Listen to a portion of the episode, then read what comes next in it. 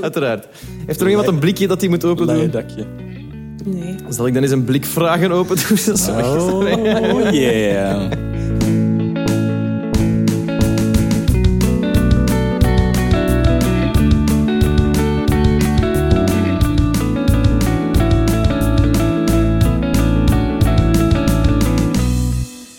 Welkom in onze living voor de eerste aflevering van De Puntjes op de E. Een podcast van Element waarin we op zoek gaan naar de leukste zitjes en hoekjes voor, op en achter de scène. Om ons te helpen bij deze zoektocht en vooral om de puntjes op de E te zetten, hebben we drie topgasten uitgenodigd. Welkom Annelies, Hallo. welkom Thomas Hey. en welkom Jelle. Leuk om hier te zijn, Joren. Die gaat dat heel een tijd doen. Zalig. Jelle zei net dat hij geen radiostem had, maar ik begin, dat daar, ik begin daar wat aan te twijfelen. Goed, om onze, om onze gasten een beetje voor te stellen, hebben we ludieke dilemma-vraagjes voorbereid. Twee per persoon. Niet nadenken, gewoon antwoorden. Dus dilemma-vraagjes. Hè? Annelies, een monoloog of dialoog? Monoloog. Prima. Gewone of anderhalve interlinie? Anderhalf. Hm. Thomas, Arial of Times New Roman? Times. Hm. Klinkers of medeklinkers? Medeklinkers. Oké. Jelle, jij of jij? Jij, En to be or not to be? not to be. Prima. Papa. voilà, zo weten we al meteen wat meer. Thomas, Times New Roman, waarom? Ik panikeerde. Eh, ja, het zijn alle twee geen, geen kei toffe lettertypes, maar Times is zo'n klein beetje meer retro terug aan het worden. Ehm, en Arial is gewoon saai. In welk lettertype stonden uw teksten op de vitrines in Diest? Dat was handgeschreven door een illustrator. Ah. En Ja. waarom stonden uw teksten op de vitrines in Diest? Ik was twee jaar lang de stadsdichter van Diest. Kijk eens aan. Ja, inderdaad. Een echte schrijver, zowaar. Oh. Ik kan ook naar huis gaan. Het Was was, dat eh, teken dat we gingen doen voor Bitsig? Sorry. het was mijn laatste wapenfeit als, als stadsdichter. Dat ik samen met de handelaars in Diest de etalages mocht volkladden met allemaal, ehm, allemaal korte versjes die dan één groot wandelgedicht vormden. Annelies, Ja, dag. Jij, zei, jij zei monoloog. Waarom? ik panikeerde ook. Er werd nogal gepanikeerd. Ja. Want ik, ik, eh, ik heb eh, me laten vertellen dat er eh, een nieuw stuk, dat jullie aan een nieuw stuk aan het werken zijn met, eh, met Element. En daarin is er vooral de nadruk op dialoog. Want hoe wordt er juist geschreven eh, in het nieuwe stuk? Vertel dat eens. Ja, Op dit moment zijn we vooral nog dingen aan het uitproberen. Maar wel we. Ja. Dus het is, het is een, een team effort. Ja. Oké. Heb je Ja. daar al ervaring mee? Ik heb dat vooral zelf meegemaakt als speler. Ah, dus ja. ehm, ik put inspiratie uit het proces dat ik zelf van een andere kant heb meegemaakt. En ehm, ik probeer dat zo goed mogelijk te vertalen naar, eh, naar mezelf als regisseur. hè. Ja. Is het de eerste keer dat je zo'n stuk eh, laat schrijven door, eh, door je cast ook? Het is niet per se omdat we het samen aan het maken zijn dat het ook samen geschreven wordt. Ah, oké. Ehm, ik denk ook niet dat dat zo gaat gebeuren. Ik denk op dit moment dat, dat ik heel de cast nodig heb om ehm, dingen uit te proberen, om te kijken wat werkt er op zijn en wat werkt er niet, zowel qua vorm als qua tekst. En dat daar heel veel uit gaat komen dat ik dan eh, ga kanaliseren in het script. En ik, ik ben nog niet klaar voor een proces waarbij dat we met zeven tegelijk gaan schrijven. Oké. Jelle? to be or not to be? Jij zei not to be. Mm, Dat is een beetje het verhaal van, van spijtig genoeg, van uw laatste stuk. ja, eh, Dat klopt, Joren, ja. ja, spijtig hè. Dat is inderdaad heel spijtig, maar ik denk dat we daar eh, de beste keuze hebben genomen. Het alternatief was het stuk coronaproof herschrijven en zo. En dan denk ik, dan zit je niet meer bezig met wat je wilt vertellen als, eh, als schrijver, als regisseur, als acteur. Dus dan is het best dat je het even uitstelt. Ja, ja, ja. Was het leuk om eh, zo'n stuk als, als Odinsdochter te, neer te schrijven? Dat was eh, heel leuk, eigenlijk. Ehm, ik had het geluk dat ik mijn, mijn werk op dat moment kon combineren met het schrijven van bepaalde scènes. Dus ik heb heel veel ehm, kunnen schrijven terwijl ik eh, betaald werd om andere dingen te doen. Dus ehm, ja, dat was eigenlijk een heel plezant proces. Ik, ik heb ehm, Ja, dat duurt te lang, hè. Je hebt Dat, dat, dat, dat babbelen. Je moet dat vlotter doen, hè. Ik wil eigenlijk zeggen dat... Je ehm, wordt hier niet betaald, hè, Jelle? Ja.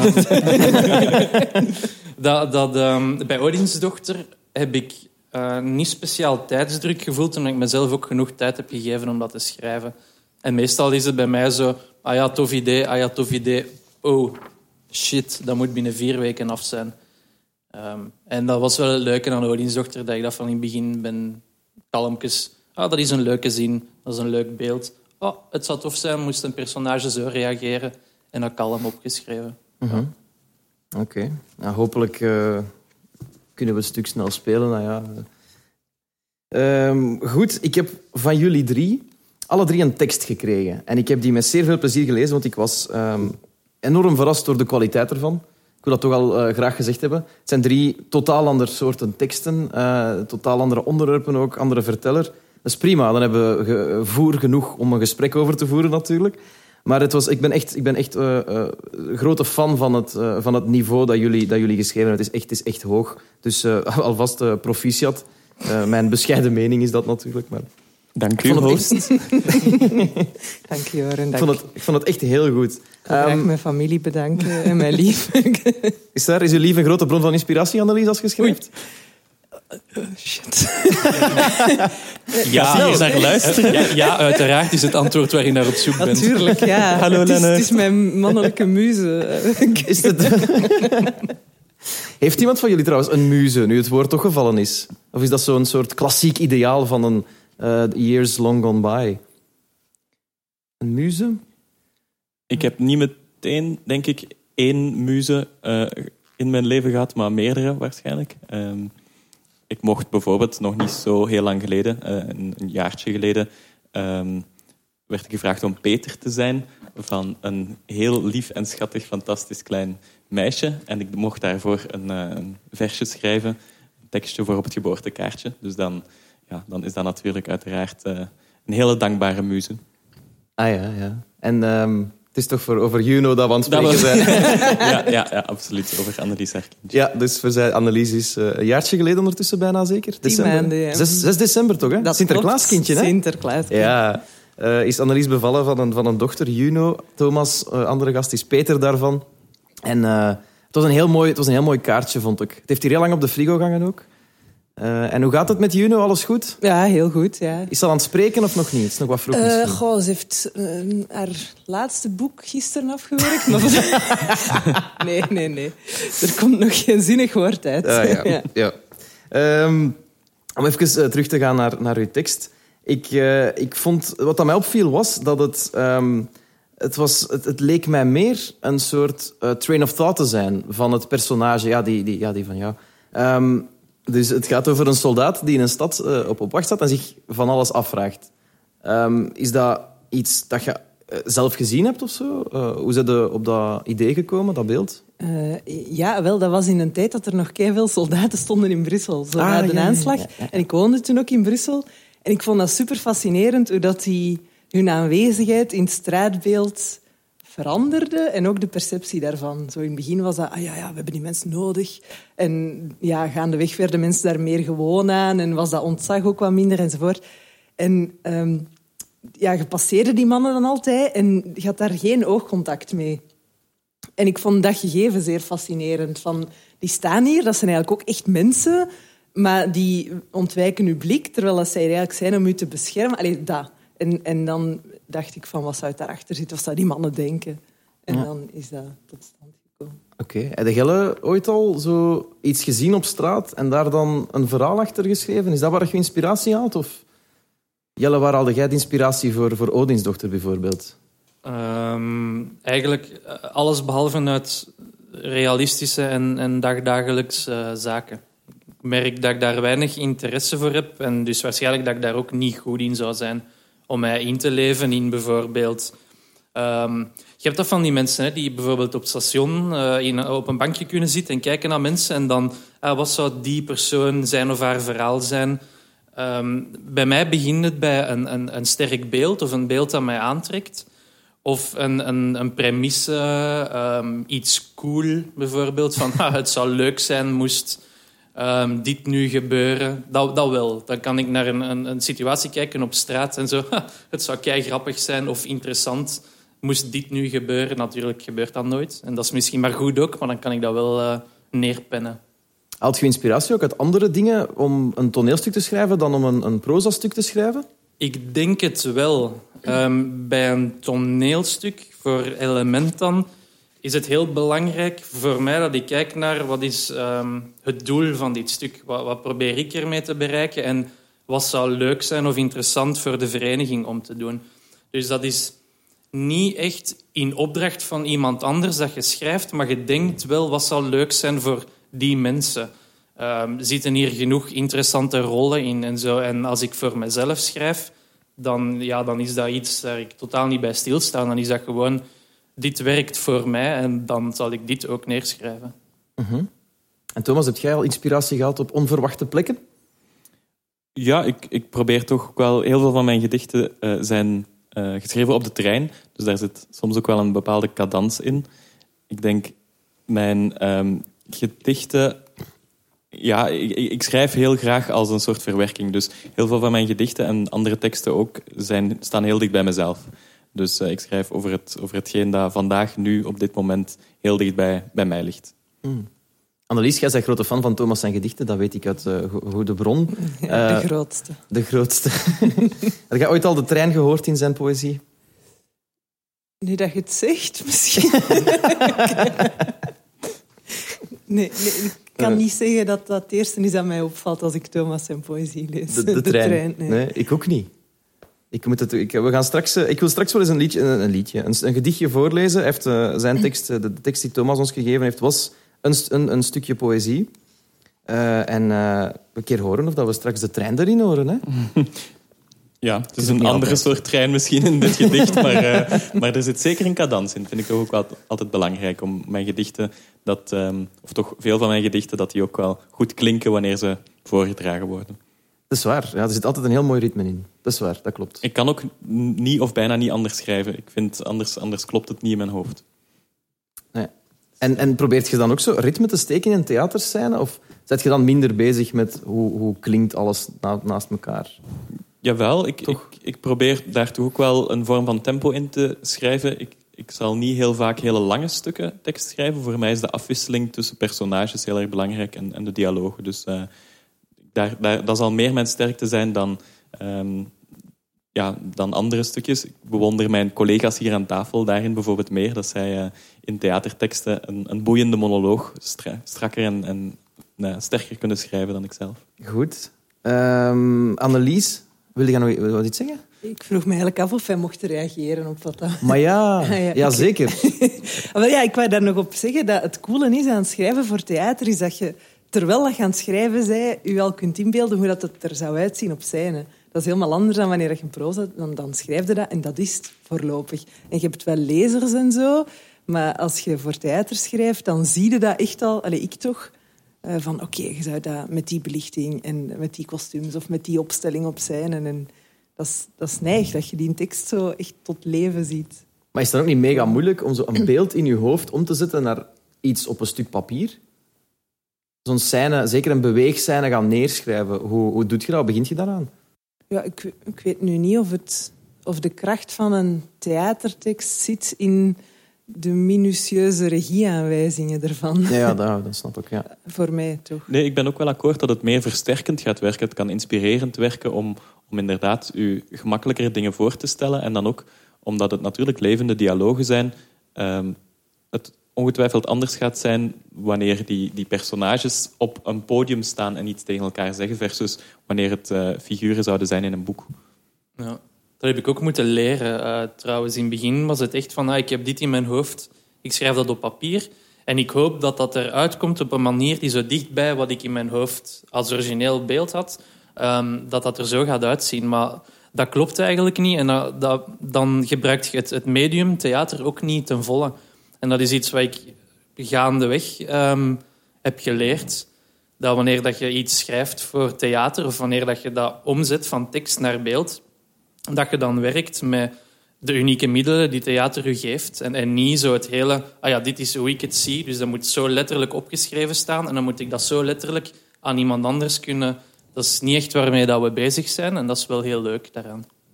Uh, ik heb daar ook nog een vraag over eigenlijk. Um, zo, als je een script hebt geschreven, wilt je dat dan ook zelf gaan regisseren? Of vind je het leuker om het in iemand anders zijn handen te leggen en te kijken wat dat die persoon er dan mee doet? Thomas? Ik denk het is allebei heel leuk. Hè? Um, uh, in het begin is zijn, zijn alle scripts, en, en op het einde, zo dramatisch is het niet, maar, maar, in het begin zijn alle scripts natuurlijk wel echt heel hard uw kindjes, uw baby's. En wilt je, uh, of toch die ervaring heb ik, uh, wilt je dat, dat die ook stukje worden uitgevoerd met uw visie. Dus, dus omdat het uh, schrijven van een script kwam voor mij later in het proces dan het meespelen of het zelfs het meeregisseren van een stuk. Um, en, en daarom, ja, is, is dat wel heel erg interessant om dan zelf die vertaling te kunnen maken. Anderzijds ja, is het ook wel echt charmant wanneer je iets schrijft en dan het loslaat, het echt kunt loslaten. Want ja, je moet ook ertegen kunnen dat een, een regisseur stukken schrapt, dat acteurs zinnen naar hun mond zetten en dergelijke meer. En dan nadien het resultaat kunnen zien, uh, wanneer je wat verder af uh, van staat, is ook zeer, zeer belonend. Wat vind jij ervan, Annelies? Dat deel van... Uh dat mensen hun stuk, of uw stuk naar hun hand zetten, daar sluit ik mij wel bij aan. Dat is super cool als je een script voorlegt aan acteurs je hebt iets in je hoofd, die doen daar iets anders mee en dat is gewoon beter. Dat is super zalig. Allee, dat zijn voor mij echt zo de woe, momenten van repetities. En hoe vaak gebeurt dat per productie? Toch vaak? Ja. Ja? ja. Allee, tijdens een repetitie, hè. Um, tijdens de voorstelling zelf vind ik dat, kan ik dat minder appreciëren als er wordt afgeweken. Maar um, tijdens de repetities is dat, ik vind dat neig. Je komt met dat stuk af mm -hmm. en je denkt, ze gaan daar dat mee doen en ze doen iets helemaal anders. En dat, ja, die, die verrassing vind ik tof.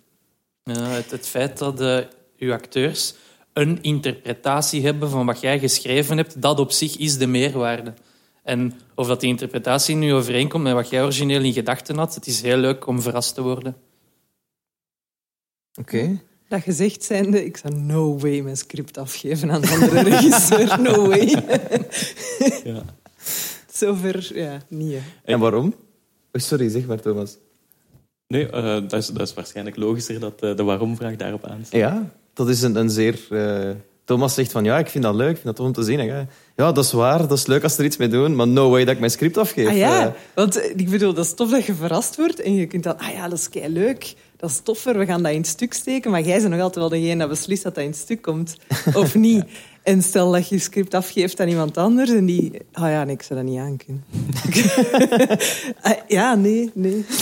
Nee, nee, ik snap dat volledig. Het is ook wel bijzonder soms um, dat door het schrijven van een stuk en acteurs daarmee laten bezig zijn, dat er ook wel echt dingen veranderen, wezenlijk en essentieel aan de toon van hoe dat je het hebt geschreven. Dingen worden bijvoorbeeld veel grappiger of, of net veel serieuzer door wanneer je ermee bezig bent dan, dan wanneer je het hebt geschreven.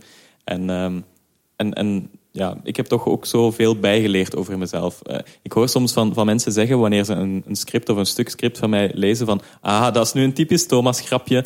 Terwijl ik zou nooit zelf mijn humor op een bepaalde manier kunnen beschrijven of zien of zo. Maar blijkbaar halen de acteurs, zeker de acteurs die al een paar stukken met mij hebben gespeeld, halen die er dat dan wel uit. Dat is wel cool. Ja. Nee, woordmopjes en zo?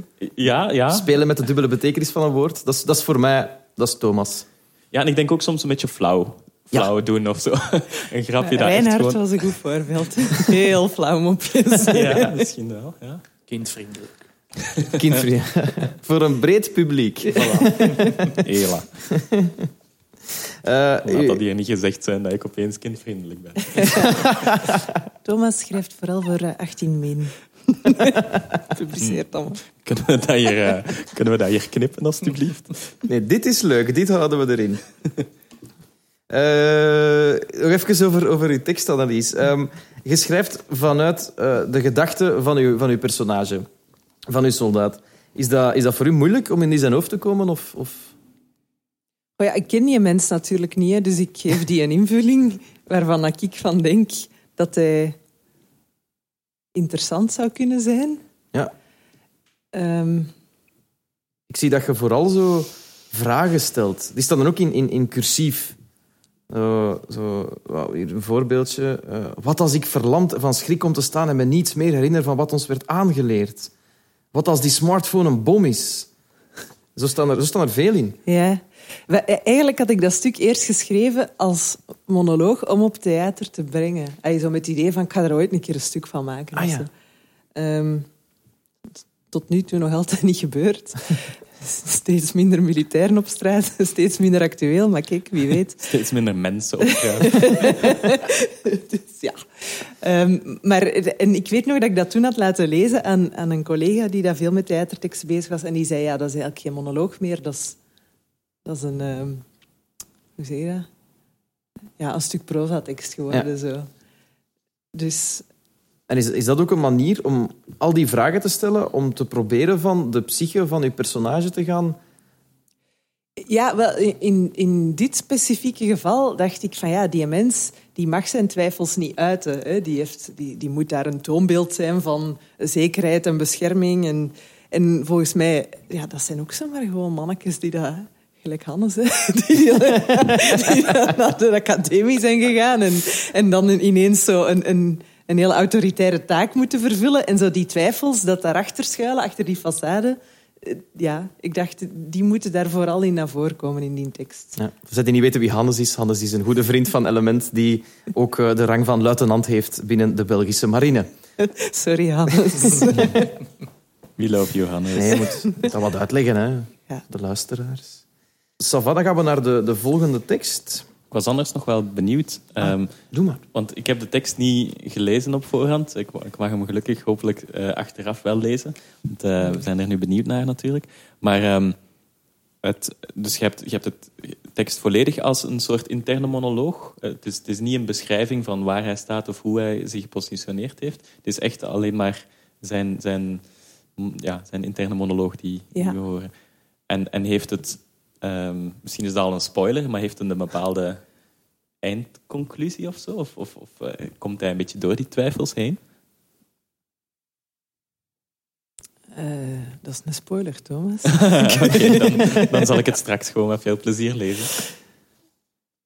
Ja, nee, ik, ik, het, het, is ook gewoon... Ik, ik heb het gevoel toen ik dat stuk nog een keer herlas om het in te sturen. Het probleem was, er werd een tekst gevraagd en ik dacht, ik mag geen elementtekst pakken, want Zo, het is een podcast van elementen. Ja, ja, maar dat zijn altijd stukken dat ik ofwel in co uh, ah, ja, ja, ja. heb geschreven, ofwel waarvan dat mensen misschien zeggen het is goed, Annelies en haar insert name stuk.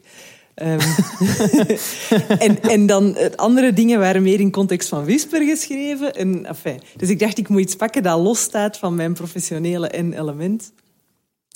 En dus dat heb ik dan gepakt, maar dat was eigenlijk een fragment dat totaal niet af was. Dus... Ja. ja. Ik vind dat er heel veel is nagedacht over die teksten. Uh, het was uh, meer om een soort idee te krijgen van wat dat jullie al hebben neergeschreven. Dat heb je ons aangedaan, Joram. ah, sorry. Het is niks. Um, maar over dat, want dat vind, ik vind dat wel interessant, van, van al die vragen die, dat je, die dat je dan stelt in de ik-vorm, dus in, um, in, in, in, het, in, de, in het personage. Het personage stelt zich uh, allemaal vragen. Um, hoe doen jullie dat? Hebben jullie de neiging van in een ik-vorm te gaan schrijven of eerder toch in een soort omniscient narrator, een alwetende verteller? En als je dan in de ik-vorm schrijft, hoe moeilijk is het om in zo'n personage te, te kruipen? Jelle? Ik merk dat ik altijd ergens op een, uh, op een rem moet staan als ik begin te schrijven. Het, het begint heel vaak als uh, alwetend uh, derde persoon. En dan denk ik van, ah, ik moet mijn toekomstige lezers die informatie geven. Of misschien schrijf ik deze zinnen nu op gewoon voor mijzelf, omdat ik die zo plezant vind. En gaandeweg begin je te schrijven, te schrijven. En dan nu, oké, nu moet ik een soort van stem geven aan een personage dat ik gemaakt heb. Dus ik denk, um, dat is zeker geen goede of slechte manier om te schrijven. Dat is gewoon hoe dat ik merk dat ik vaak schrijf. Dat het heel um, alwetend is. Ik weet hoe, de, hoe het weer is en waarom dat die persoon die stap heeft. En gaandeweg uh, ja, wordt dat geëdit natuurlijk. En dan begint je te werken in, in personages. En goh, bij mij is het niet zozeer, zozeer de vragen die ik stel, maar meer wat wil ik meegeven over dat personage. Ik heb vaak al een vrij goed idee hoe dat personage is voor ik de eerste keer op papier zet. En ik weet dat dat ook helemaal Eh, dat kan helemaal anders zijn voor sommige mensen. Die kunnen heel veel dingen beginnen schrijven over een personage. En gaandeweg begint dat personage meer vorm te krijgen en zo. Ehm, dat is ook een heel leuke manier van werken. Um, mag ik nog even inpikken op iets dat jij ook zei, Annelies? Je zegt dat je heel veel stukken van Element zijn, zijn geschreven met iemand anders. Um, hoe werkt je het liefst? Want je zegt dat je je tekst totaal niet graag afgeeft, maar kun je dan wel samen, samenwerken met iemand om een, om een script te schrijven? Het hangt ervan af met wie natuurlijk. ah, ja, er zitten is... twee voorbeelden aan tafel. Ja, dat is waar. Um, ja, ik denk dat ik wel echt geen, geen toffe co-schrijver ben. Oei. Allee, enfin, nee. Of Beste voorbeelden aan tafel. Wel, schrijven is altijd heel moeilijk. Uh, of dat je dat nu in je eentje doet, of met iemand anders. Schrijven is, is, is conflict gaan opzoeken. En natuurlijk, als je daar mensen dan mee gaat betrekken... Uh, als, je, als je mensen betrekt in dat conflict... Ja, dan, dan, dan wordt dat conflict natuurlijk ook reëel. En, en dan komt dat op tafel. En uh, een van de doelstellingen als schrijver is ook om een beetje je eigen stijl te ontwikkelen. Dus je maakt het jezelf dubbel zo moeilijk als je twee stijlen dan naast elkaar probeert te leggen en probeert te combineren. Niet alleen qua vertelstijl en woordgebruik en zo, maar ook gewoon ja, de, de manier waarop je schrijft en, en je schrijfproces op zich. Uh, als je dat gaat moeten afstemmen, dan, dan is dat gewoon iets dat tamelijk complex in elkaar zit. Dus, um, uh, dus, dus knap, uh, bewondering voor, voor iedereen die het kan en doet, maar het is zeker geen evidentie. Mm -hmm. Jelle, heb je al in, in duo geschreven ook? Um, ja, ik heb Dracula heb ik het eerste deel met Annelies geschreven. En dan um, The Lord of the Flies heb ik met Thomas in co-geschreven. En ja, Odinsdochter is de eerste keer dat ik alleen heb geschreven. Ik denk in, in, in co-schrijven. Nu, Dracula is nog een ander verhaal, uh, aangezien dat ik dan gewoon ook problemen had met uitstelgedrag. En dat je met heel veel ideeën in je hoofd zit, maar zo de stap van, ah ja, nu moet ik dat op papier zetten op tijd en naar die andere persoon sturen op tijd, zodat hij dat kan lezen op tijd en aanvullen op tijd. Dat was iets dat, uh, ja, op zich was dat nog heel vreemd voor mij. Dat was meer van, ja, ik doe mijn eigen ding en die andere persoon zal ook zijn of haar eigen ding doen. En dan komt dat wel goed. Um, ja, daar heb ik toch wel ook vrij veel uit geleerd. Ik denk dat we dan uh, ja, met Thomas van in het begin wel goede afspraken hebben kunnen maken daar rond. En dan was het wel leuk om te zien hoe verschillend bijvoorbeeld Thomas zijn stijl was. Want dat was inderdaad ook wel die, die hele korte, op elkaar volgende dialoogjes. Persoon A, B, A, B, heel... Daar zit een heel goed ritme in en dat is allemaal heel tof. En dan bij mij is dat uh, meer langere zinnen en uh, ik ga die nu een monoloogje geven en hier wil ik zo die soort grap in, maar die wil ik dan zoveel zinnen ervoor een beetje een setup van doen. Dus als je die, die twee uh, verschillende teksten ziet, hij bijvoorbeeld Thomas schrijft scène 3, ik schrijf scène 4, dat ziet er op papier al helemaal anders uit. Ik vind het wel leuk dat we erin geslaagd zijn om, om dat stuk een unieke stem te geven, desondanks het feit dat we zo verschillend zijn van, van schrijvers. -hmm.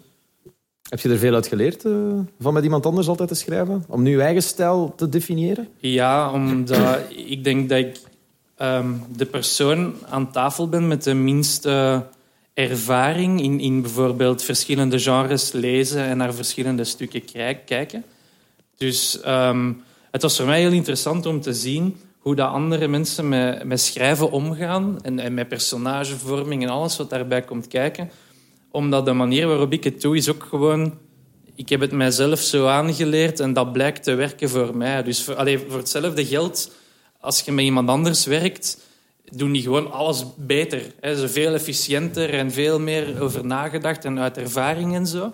En dan is dat wel leuk om te zien van, ah, wat kan ik van die persoon leren? Of, ah, nee, dat vind ik eigenlijk dat ik dat beter doe. Mm dat, is, uh, dat is heel leuk. Ja. Oké, okay, uh, Thomas, uw, uw tekst het is een gedichtje. Je zei daarnet dat je, uh, dat je het tof vindt als je gedichten worden voorgelezen. Dat ze meer tot hun recht komen als ze worden voorgelezen. Sommige gedichten, daar ben ik wel van overtuigd. Ja, dat, dat ik, ik ben een beetje een actieschrijver altijd al geweest. Hè, dus uh, ik schrijf heel veel voor, om voor te dragen of, of voor theater. Dus uh, mijn gedichten is dat niet anders. Oké. Okay. Wil jij je gedicht eens voordragen? Oei, ikzelf? Ja? ja, ja, dat zou leuk zijn. Het gedicht heet Tussenin.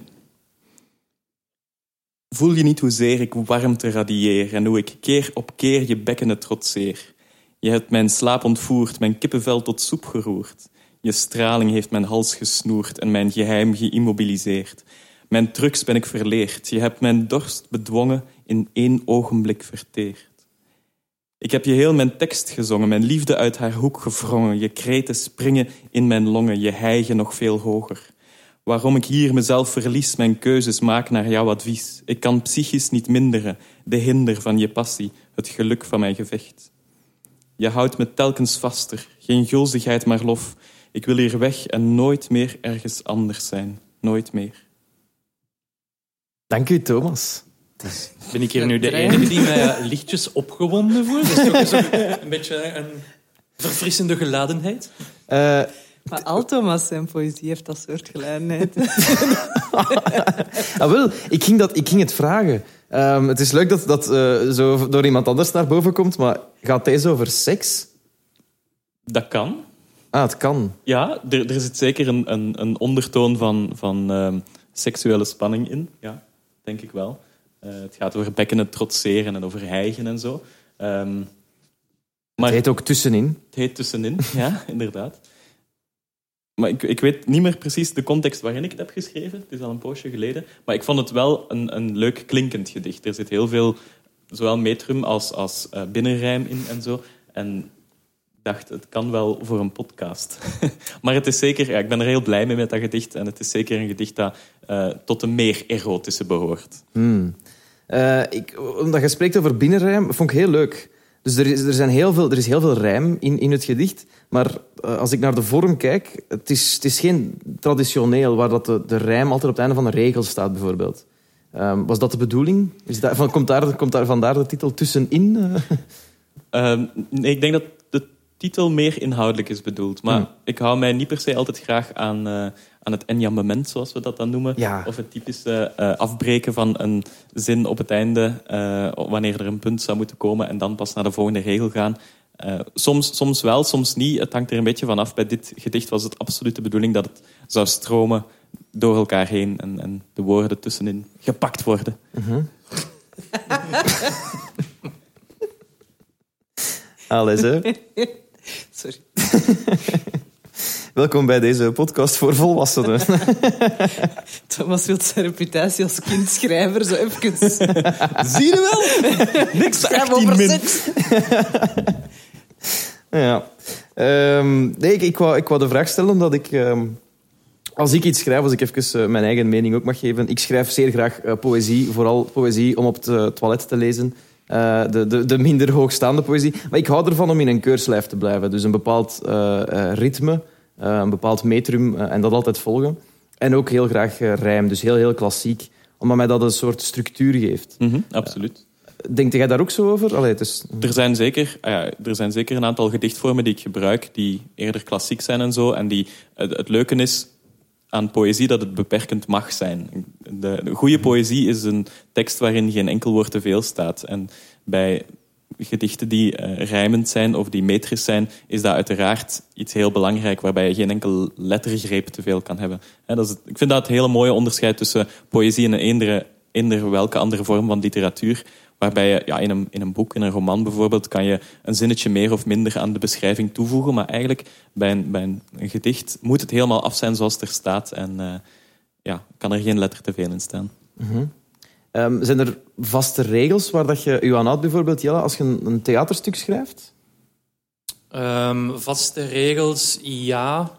Uh, in de zin van wat we, waar we goed in zijn, denk ik. Um, element is het, brengen van een bepaald soort stukken. En dan uh, ben ik eerder geneigd om in dat, dat, kader, dat we heel goed kennen, om dat dan zoveel mogelijk, maar dan wel van in het kader, een beetje proberen open te breken. Van, ah, dit past nog bij wat we, wat we goed in zijn, wat we goed kennen, maar we hebben dit nog nooit gedaan en dat nog nooit gedaan. En dan vaste regels. Ja, ik denk voor mezelf, uh, ik schrijf graag um, voor volwassenen. Uh, net zoals ik dingen graag lees, al van kinds af. Uh, toen ik goed genoeg kon lezen voor die boeken, ben ik direct naar de, de Dracula en de Frankenstein gegaan. En niet meer zo, de, dat was dat hè, in mijn tijd, Thea bloed Beckman. en chocolade. ja, voilà, inderdaad. Dirk Brakke. Jan Ja. Terlouw, Dien Zever. Ehm, en dan is de vaste regel is voor mij eerder van... Ah, Jelle, denk eraan dat je voor een publiek aan het schrijven bent. Dus bepaalde dingen kunnen wel, kunnen niet. En soms is het wel leuk om te spelen met... Eigenlijk is dit niet zo gepast, maar toch een beetje alluderen naar. Dat is wel leuk om te doen. Ja. Eenheid, plaats, tijd, intrigue, Annelies. Altijd aanhouden? Uh, ik doe dat zeker niet bewust. Mm. Als het zo is, dan is het gelukkig toeval, denk ik. Is het bij u gelukkig toeval dat je de regels volgt van Aristoteles? Moest het zo zijn? Ik zou zelfs niet weten of dat stuk dat ik heb... Nee, want het eerste stuk dat ik ooit heb geschreven gaat over tijdreizen. Ah, kijk. dus ja, samen met Thomas trouwens. Uh, dus nee, nee, vormelijk... Eigenlijk hoe minder regels, hoe beter, vind ik. Um, het interessantste is werk te zijn. Mhm. Doet het iets met je publiek? Uh, geeft het een sterk gevoel of een sterke boodschap? Of uh, doet het mensen nadenken? Of raakt het hen? Mhm. En als de vorm dat in de weg staat, weg met de vorm, denk ik dan. uh, je zegt van dat als de, als de scène werkt en het raakt je publiek, um, hoe weet je dat als je aan het schrijven bent? Is dat een beetje hopen dat het goed komt? je, zei aan het schrijven en dan, gelijk dat we daarnet zeiden, je schrijft iets met het oog op de uitvoering. En de uitvoering kan dan nog helemaal anders zijn, hè? Allee, afhankelijk van wat je acteurs ermee doen. Ehm, en soms schrijf je iets en je acteurs krijgen dat en dat valt plat. dat kan ook, hè? dat je mhm. ziet van shit, dat werkt hier eigenlijk echt niet. En dan vind ik dat je moet kunnen schrappen en herschrijven. En, ja. ja. Ik denk dat het ook uh, ervaring is, dat er niet echt regels zijn van ah, ik weet als je het op die manier doet dat het zo'n effect heeft. Ik denk niet dat iemand van ons daarmee bezig is. Maar langs de andere kant zijt je wel bewust bijvoorbeeld van ah ja, dit is een makkelijk mopje om te maken. Mhm. Dat je weet van, gewoon uit ervaring, van waar de mensen mee lachen en wat, wat dat je zelf grappig vindt. Van, ah, als ik hier nu tussen die regel nu dat mopje zet, als alles goed gaat, heeft dat op een zaterdagavond dit van effect. Dat is niet iets wat je super bewust van bent, maar dat kan wel iets zijn dat bijvoorbeeld bij een herlezing of wanneer dat je dat in een groep geeft om naar te kijken, dat je toch merkt van, ah, hier, dit is wel heel lang uh, een stuk expositie of dit is wel heel zwaar. Of, en dan weet je ongeveer wel, ah ja, hier kan ik wel iets zetten dat meteen die sfeer breekt.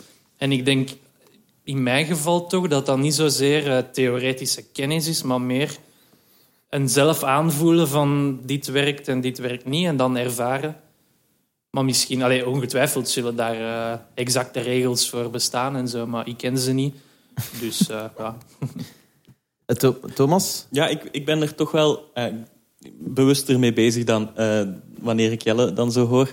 Ik, ik probeer toch echt wel naar, naar elke scène toe te gaan met, met een bepaald doel of met een bepaalde. Um, ook met het, het volgen van alle restricties, zeker wanneer ik voor theater schrijf. Ja, van, van alle Mogelijkheden natuurlijk ook vooral, maar zeker ook al alle beperkingen erbij komen kijken. Want het, het moet, uh, moet, altijd passen binnen het grenzen van het haalbare. En inderdaad, wat kan je publiek ook aan uh, wanneer ze overlaat met informatie? Dan moeten ze ook een moment krijgen om, uh, om die informatie te kunnen verwerken, bijvoorbeeld. En daar ben ik toch wel ja, echt wel hard mee bezig wanneer ik stukken schrijf. Of wanneer ik lees, want, want het heeft mij ook plezier gedaan in de laatste jaren om bijvoorbeeld bij Pocahontas door Dominique geschreven of bij Odinsdochter door Jelle geschreven, om dan ook een stukje meer redactie te mogen doen en dan, en dan ook op die manier te kijken naar die, naar die stukken. Ja. Oké, qua, qua, vorm, qua vorm van zo'n toneelstuk, denk je dat het voor beginnende schrijvers gemakkelijk is om, uh, gemakkelijker om een stuk te schrijven als ze zich houden aan een bepaalde vorm? Of is het uh, makkelijker, denk je, voor beginnende schrijvers om gewoon hun goesting te laten doen? Het zal een beetje van schrijver tot schrijver afhangen, vermoed ik. Um, ik denk voor veel beginnende schrijver is, schrijvers is het goed om het eens mee te maken, is door het proces te gaan en dan ook gewoon zelfs op de première te zien van oh shit, dat heeft toch echt wel niet gewerkt, dat is helemaal anders gekomen. Dus om, om die fouten te kunnen en te mogen maken, uh, dat is heel anders natuurlijk wanneer je um, andere soort teksten schrijft en, en, en uh, dingen leert door, door ze heel veel te doen.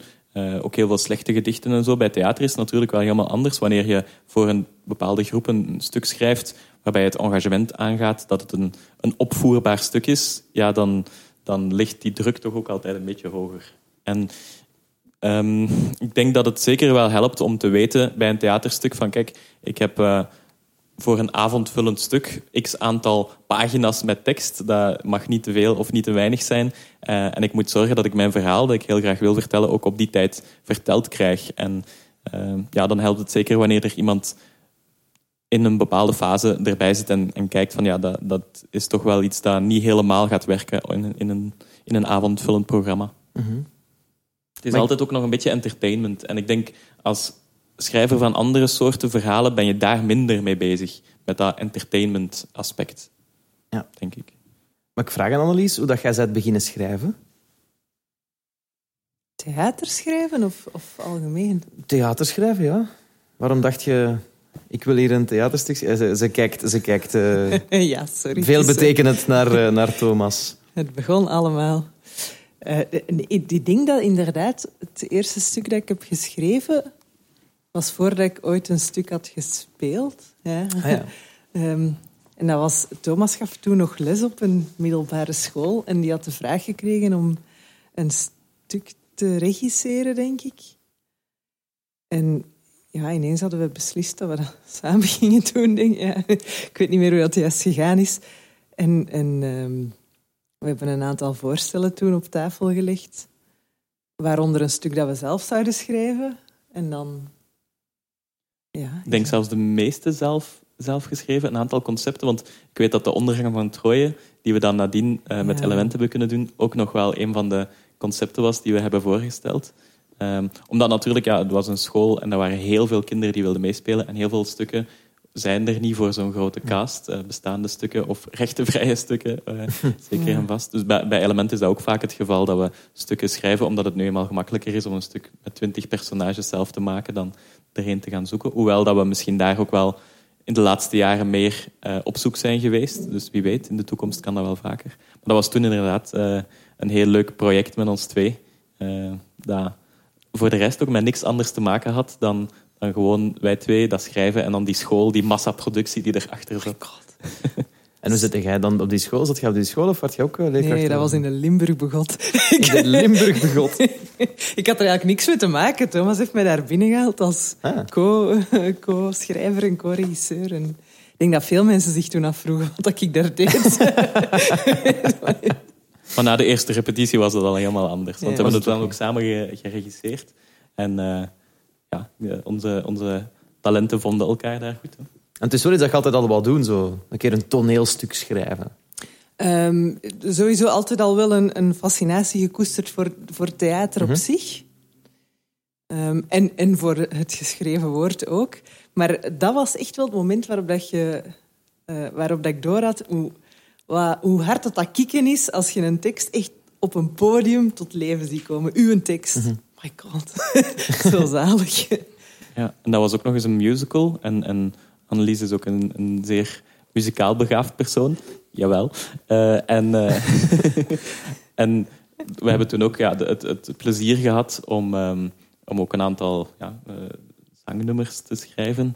Eh, dus dat was zeer tof. Jelle, jij kijkt zo? Ja, eh, de gedachte aan Annelies te horen zingen, eh, ik moet wel zeggen, het, het smaakt naar meer. Eh, Vergeet zijn daar opnames eh, van, trouwens? Eh, nee, maar het staat hier aan. Hè. Ik heb een gitaar. eh Nope. Zo'n een careless whisper of zo. Nee. Er zijn wel opnames van het tone- toneelstuk, maar Annelies en ik hebben toen niet meegespeeld, uiteraard. Dat was een middelbare school met allemaal kindjes die, eh, die ja. dat- ik weet niet hoe goed ten berden hebben gebracht. Dat was echt eh, fantastisch. Als er kindjes meedoen, dan zeg je al direct nee. Als schrijver voor volwassenen. Kijk, als ik mag kiezen. Zo seksgedichten altijd. Hela. Ja, in tweede leren vonden ze dat wel raar. Het hele in de podcast kwam. Eh, Uh, Juf Tanja vertelt daar nog over. Eh, Jelle, hoe zijn jij destijds beginnen schrijven? Dat is echt een heel goede vraag. Ik denk dat ik ooit ehm, een stukje tekst heb geschreven. eh, ook weer van, oh, dit gaat ooit een boek worden. Of eh, hier zal ik later nog wel iets mee doen. Ehm, niet dus. En dan heb ik eigenlijk niks meer geschreven tot ehm, ik ineens het idee kreeg van, oh, element meespelen, oh, dat is super. Ik zou heel graag, eh, ik zou heel graag Dracula willen brengen.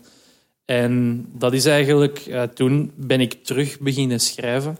Dus ik heb een, een lange een hiatus gehad. Ik weet niet eens of dat al een Nederlands woord is.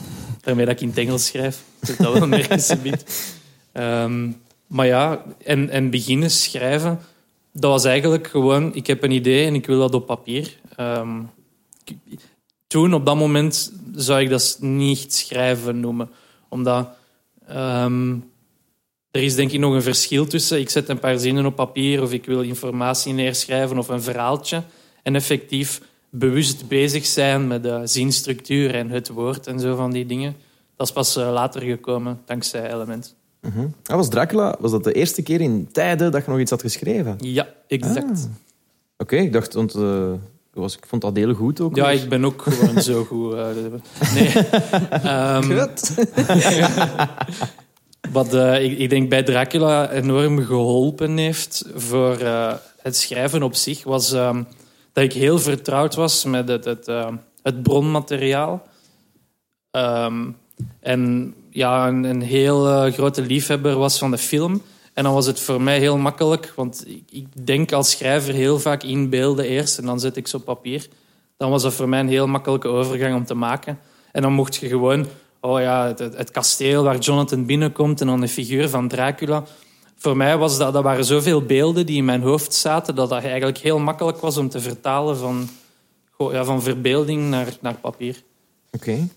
Ehm, nu dat we het dan toch over Jelle zijn schrijfsels hebben.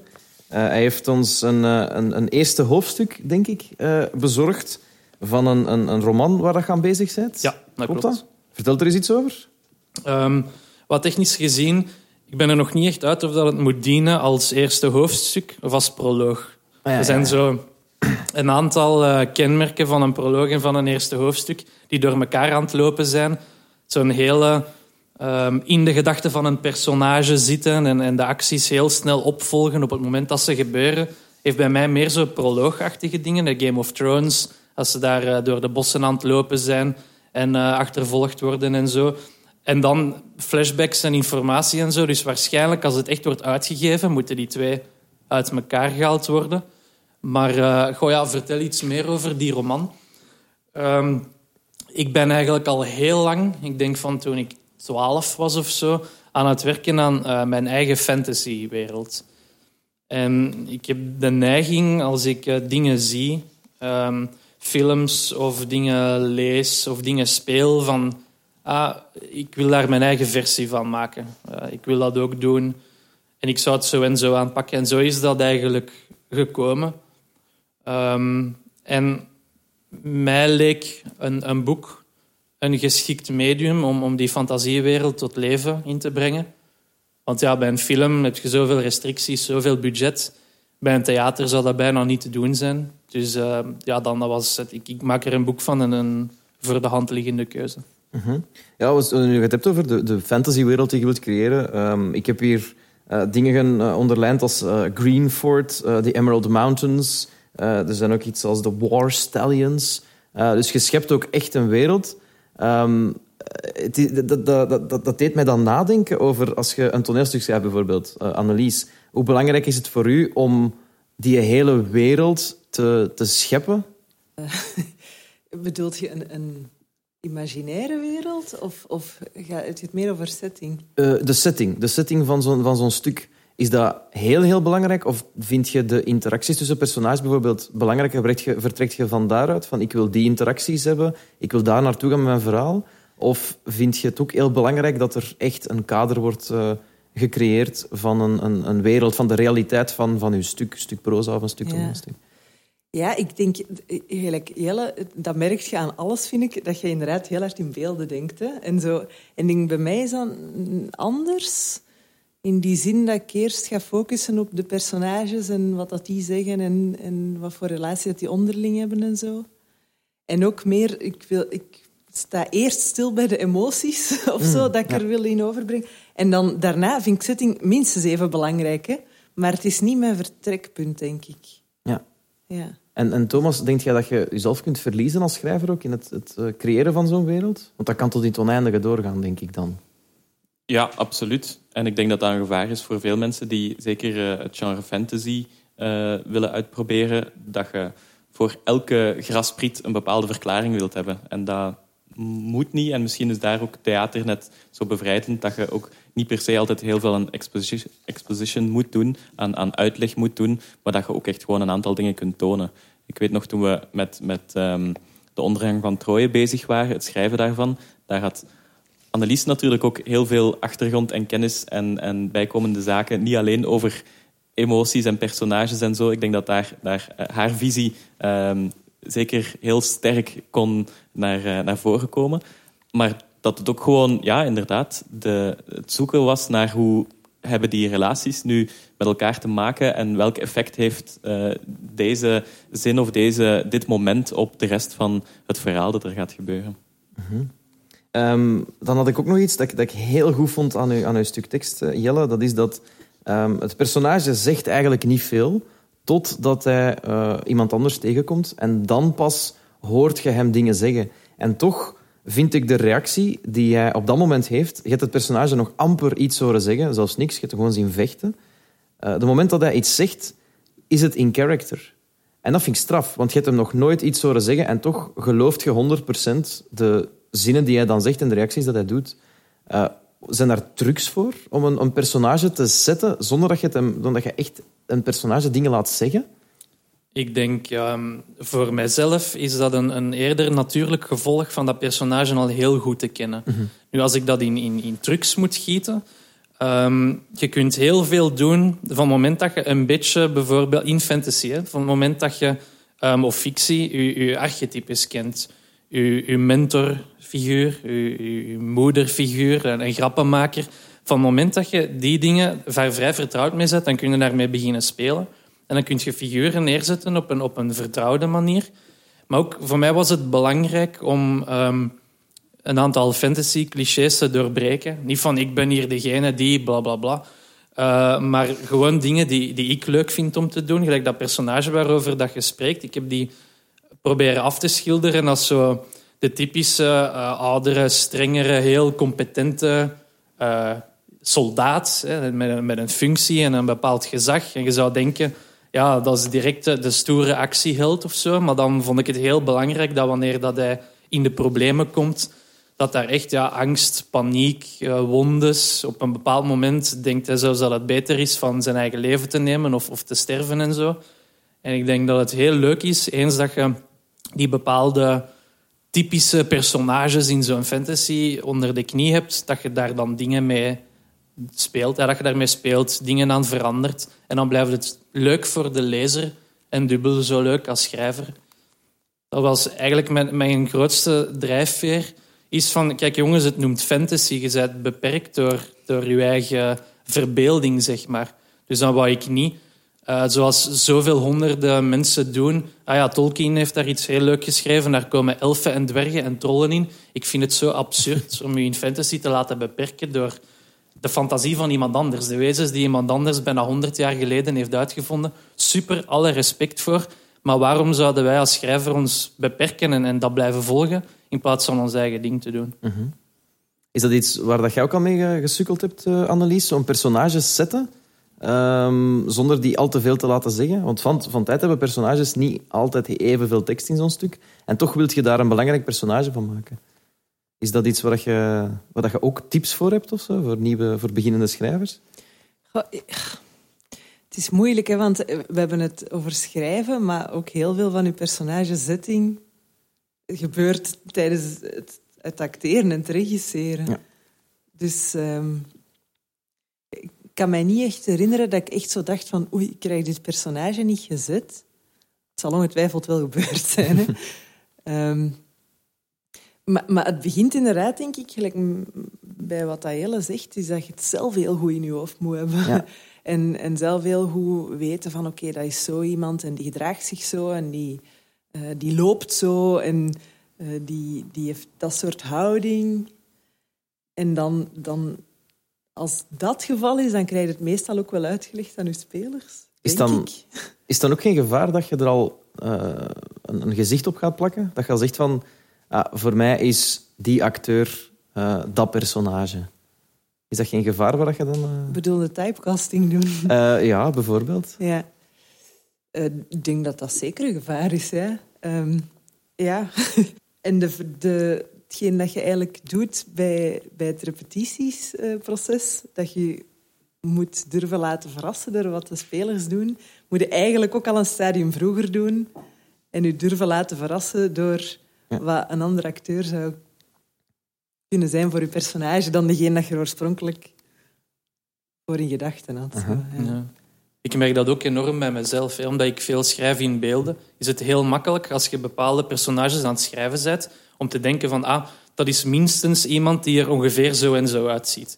Je hebt niet speciaal een, een bepaalde naam van een acteur in je hoofd, maar wel, die zou ongeveer die uitstraling moeten hebben. Of mensen hebben ongeveer dat gevoel als ze naar die persoon kijken. Dat is best iemand die wat kleiner is of wat magerder of zo. Maar ik denk dat elke keer, het maakt niet uit hoe, hoe, hoe goed dat mijn beeld was toen ik in zo'n, uh, ik naar zo'n uh, ja, rolgesprek noemen we het nu, geen audities meer uh, ging, ben ik altijd al enorm verrast geweest. En het is net die verrassing dat u toelaat om, oh wauw, ik had dat personage zelfs nooit zo in gedachten, we doen dat. Want het is niet iets wat ik alleen uh, maak. Het is, het is iets dat de acteurs zelf, iedereen die erbij betrokken is, die draagt zijn of haar steentje bij.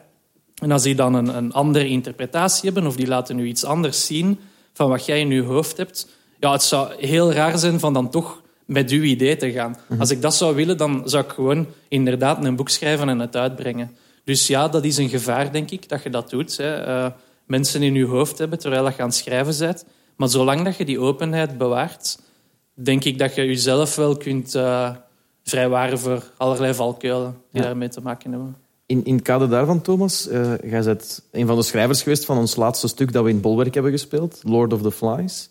Um, ik, als ik, ik kan, het kan zijn dat ik me vergis, want ik was niet helemaal betrokken bij het, bij het, het proces van dat, van dat uh, toneelstuk. Maar ik denk dat, dat jullie hebben geprobeerd om genderloze personages te schrijven. En echt personages te schrijven op basis van uh, een bepaalde persoonlijkheid en niet zozeer op basis van een, een gezicht of zo. Ja, ja, ik vind dat heel belangrijk, voor, zeker voor de stukken die we met element maken, al van in het schrijfproces echt te gaan naar dit zijn super interessante personages voor eender welke acteur om te spelen. Um, we hebben met, met Reinhard de Vos eigenlijk ook hetzelfde gedaan. Dat maakte voor mij ook niet uit of dat, dat een jongen was, een meisje was, groot, klein, dik of dun. Um, uh, en dus inderdaad, met Lord of the Flies zijn we daar ook van uitgegaan. Want kijk, uh, dat zijn de personages die hebben die kenmerken. En uh, wanneer dat er dan mensen naar een, een, rolgesprek komen om te zeggen welke personages ze interessant vinden, dan gaan we echt ook gewoon kijken welke uitdaging dat er in die personages zit.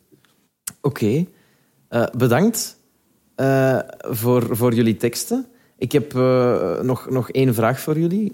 dat is, zouden jullie een, een, een, tip kunnen geven aan mensen die graag willen beginnen schrijven? Eén tip. Is niet gemakkelijk, ik weet het. Er zijn er heel veel. Het is ook moeilijk om er misschien één uit te kiezen. Probeer toch van, van één tip te geven aan, aan, aan mensen die willen, die willen schrijven. Is er iemand die, eh, die al een idee heeft?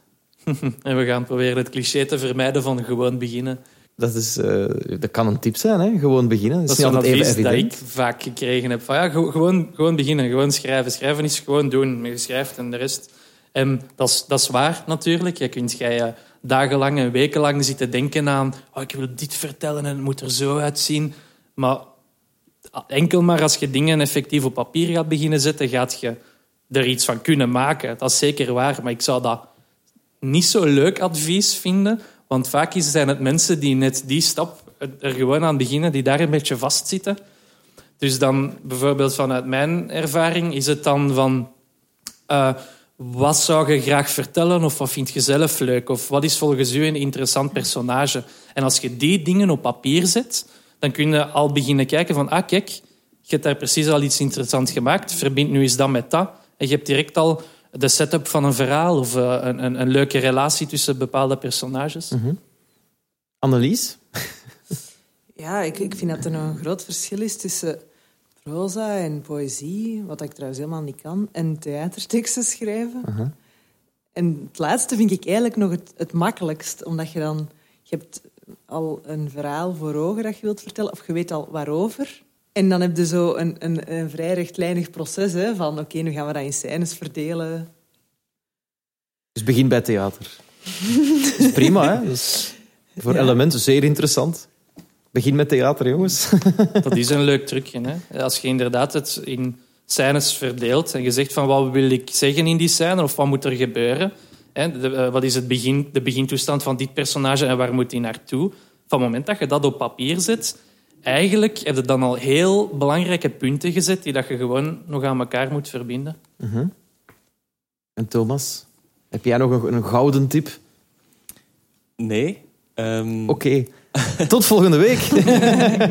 nee. Gouden tips bestaan er denk ik niet. Ik denk voor, voor elke schrijver is het echt belangrijk om te zoeken naar wat u, u zelf maakt en uw stijl maakt. En, en, en dat je inderdaad uitprobeert en zo. Eh, lees vooral ook heel veel. Probeer daar heel veel aan te hebben. Aan, aan wat andere schrijvers doen, wat je een mooie stijl vindt.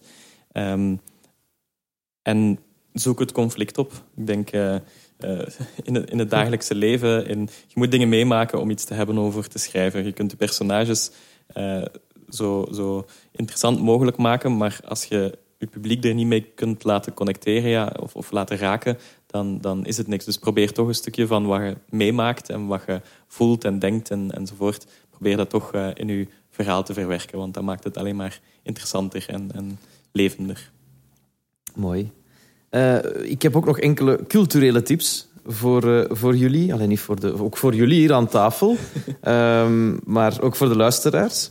Ehm, enkele films over schrijvers eh, die heel mooi zijn, zijn eh, onder andere Barton Fink van de Coen Brothers. Nou, dat vind ik echt een keigoede film. Ik ben blij dat het erop staat. Want dit zijn suggesties eh, die ik van de redactie heb gekregen. Waarvoor dank. Barton Fink, topfilm. Shakespeare in Love, bijvoorbeeld. Finding Neverland. The Hours en Moulin Rouge zijn, voilà, kijk, vijf filmpjes voor elke dag in de week. Misschien staan ze op Netflix, misschien niet, dat weet ik niet. Geen Eh, enkele van die films staat op Netflix, helaas. Is er? De Europese of de Amerikaanse. Ah, zo. Ah, jij kent Netflix van buiten, Jelle. Ik kijk veel Netflix, maar ik gebruik VPN's, waardoor dat Ah, ik ja. toegang heb tot de catalogie van eh, andere landen en zo. En helaas, ja, staan er niet tussen. De podcast eh, raadt het gebruik van VPN niet aan. Jellen heeft al twee illegale dingen gezegd in deze podcast. Nog enkele tips? Wij nul. Nog enkele tips. Eh, boeken over schrijven. Eh, Little Women. Er is ook een mooie film van gemaakt trouwens, die, ik, eh, die we onlangs gezien hebben. En eh, uiteraard The World According to Garp. Eh, prachtboek. Heerlijk. Eh, zeer, zeer grote aanrader. Dat is echt briljant. Dat is Dat fantastisch. is best... Nee, dat is niet best. En dan eh, is er ook een artiest die ik jullie zeker wil aanraden. Die heet Radical Face. is een singer-songwriter die eh, eerst een gigantisch universum maakt en dan een plaat maakt. Zijn platen zijn, zijn altijd verhaaltjes. En op eh, Spotify kun je de plaat luisteren, maar hij heeft ook een, een tweede plaat waarin dat hij eh, tussen elk nummer vertelt waarover dat het nummer gaat en hoe dat hij erop geschreven, hoe dat hij het geschreven heeft. Of welk, waarom dat hij die geluiden belangrijk vindt bij de tekst enzovoort. Goed, eh, dat was het. Bedankt Annelies. Graag gedaan. Ik vond het leuk. Is er? Ja? Ja, prima. Bedankt Jelle. Ja, dus eh, leuk om hier te zijn. Jongen. Zoek het conflict op. Eh, en, en bedankt Thomas. Merci, Joren. Goed. En dan hoop ik eh, jullie volgende keer ook opnieuw te mogen eh, toespreken. Tot snel. Bedankt om te luisteren naar deze aflevering van Puntjes op de E. Onze podcast zou niet bestaan zonder het werk van onze geweldige redactie. Een dikke merci dus aan Nele, Valerie en Dominique. Meer afleveringen en informatie over onze andere projecten vind je op onze website jkg-element.be. Like en volg ons ook op Facebook en Instagram om op de hoogte te blijven van al ons laatste nieuws. Je vindt ons door te zoeken naar JKG Element. Bedankt en tot een volgende keer.